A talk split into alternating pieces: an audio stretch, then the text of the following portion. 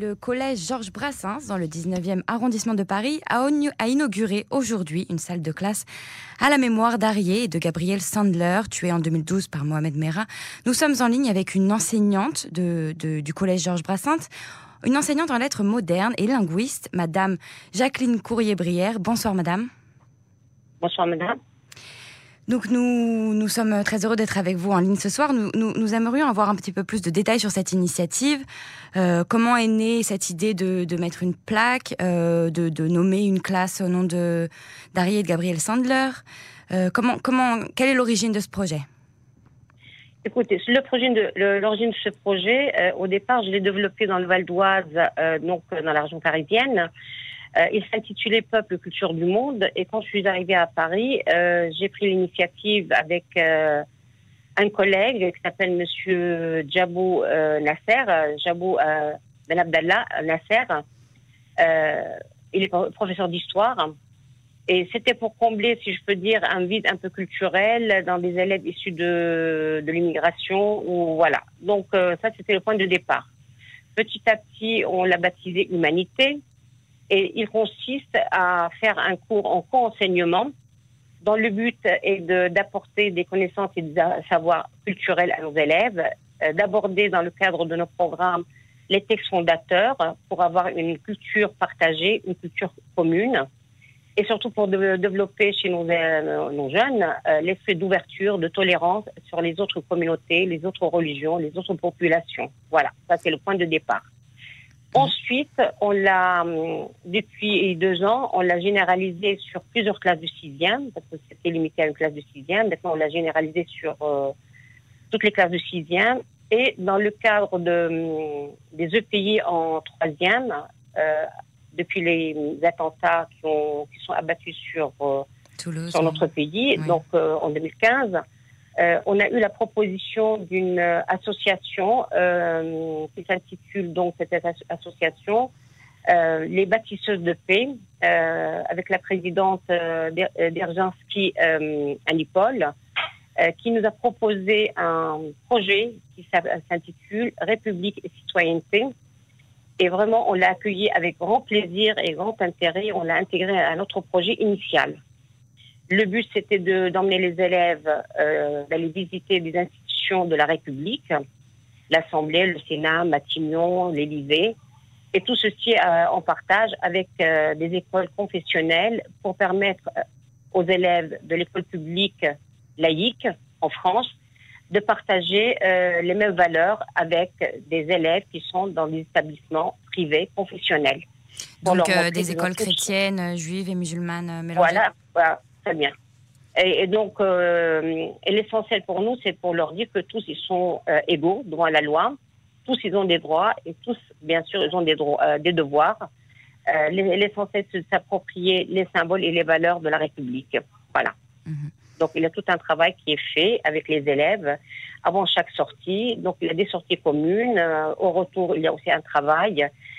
c'est toujours animé par des débats. Ce sont des séances ouvertes où les élèves peuvent poser toutes les questions sans censure, sans restriction. On essaye d'apporter la réponse à chacun. Euh, voilà, parce que très souvent, on, s'est rendu compte que les élèves étaient assoiffés de, de connaissances, d'interrogations, de connaissances, mais surtout d'interrogations, et sans doute, pour certains, n'avaient pas de réponse chez eux. Alors voilà. Donc, les visites aussi des différents sites euh, culturels. Euh, nous avons donc l'Institut du monde arabe, le musée d'art et d'histoire du judaïsme, le Louvre, euh, Art déco, euh, voilà, les différents euh, musées qui sont annoncés, ben, la richesse de Paris, on va dire. Hmm. Ça nous permet quand même d'aller visiter tout ça et d'ouvrir à tout le monde la possibilité de se cultiver, de s'ouvrir, d'avoir une culture générale. Et c'est ça le, but et l'objectif de notre, Initiative, de notre projet. Voilà. Et donc cette classe à la mémoire euh, d'Arié et Gabriel, comment Alors euh, comment elle est née, alors cette voilà cette salle euh, est née, si vous voulez, l'initiative a été prise donc l'année dernière parce que Monsieur Sandler s'est déplacé dans notre établissement mhm. pour témoigner.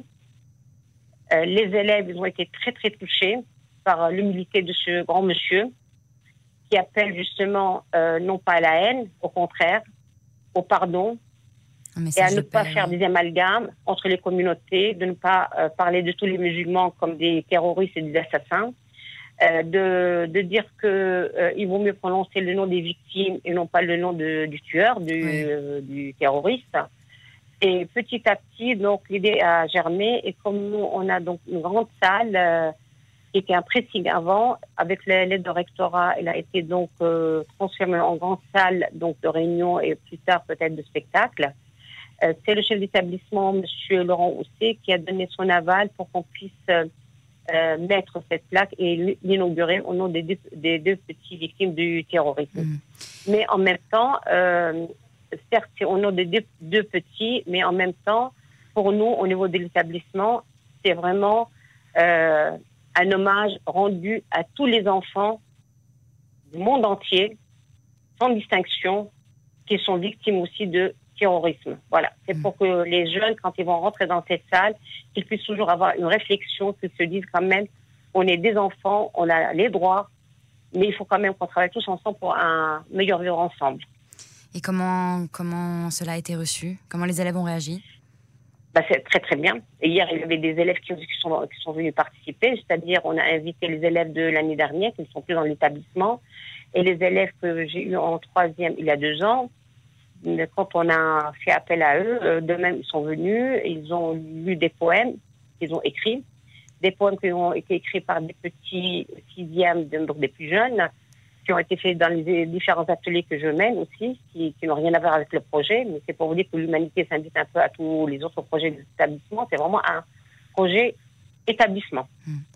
Et le 19e est quand même euh, un quartier très, euh, très diversifié. Euh, très diversifié, c'est ce qui fait la richesse justement Bien de ce sûr. Mais dans l'ensemble, comment, comment tous vos projets sont reçus, sont acceptés? Est-ce que vous rencontrez des petits, des petits euh, problèmes? Écoutez, tous nos projets sont très très bien perçus.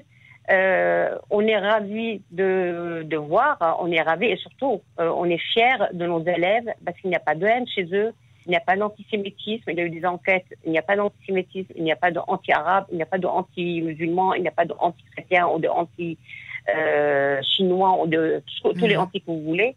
Euh, vraiment, on a une très très bonne ambiance et les élèves eux-mêmes, parce que nous on n'a pas tellement parlé, on a laissé quand même euh, l'expression aux jeunes.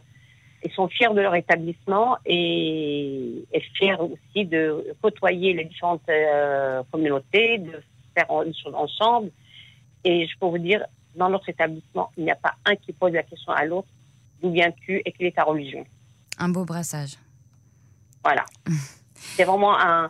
On a un public très mixé, très mixé, très métissé. Euh, au niveau social, au niveau religieux, au niveau des origines, au niveau des. Voilà, tout ce que vous voulez. C'est ce qui fait, je pense, la réussite de notre établissement. La richesse. Très bien, merci beaucoup. Merci beaucoup, Jacqueline Courrier-Brière, d'avoir été avec nous ce soir. Et bon courage pour tous vos projets. Merci beaucoup, madame. Au revoir. Bonne soirée, au revoir. C'était Jacqueline Courrier-Brière.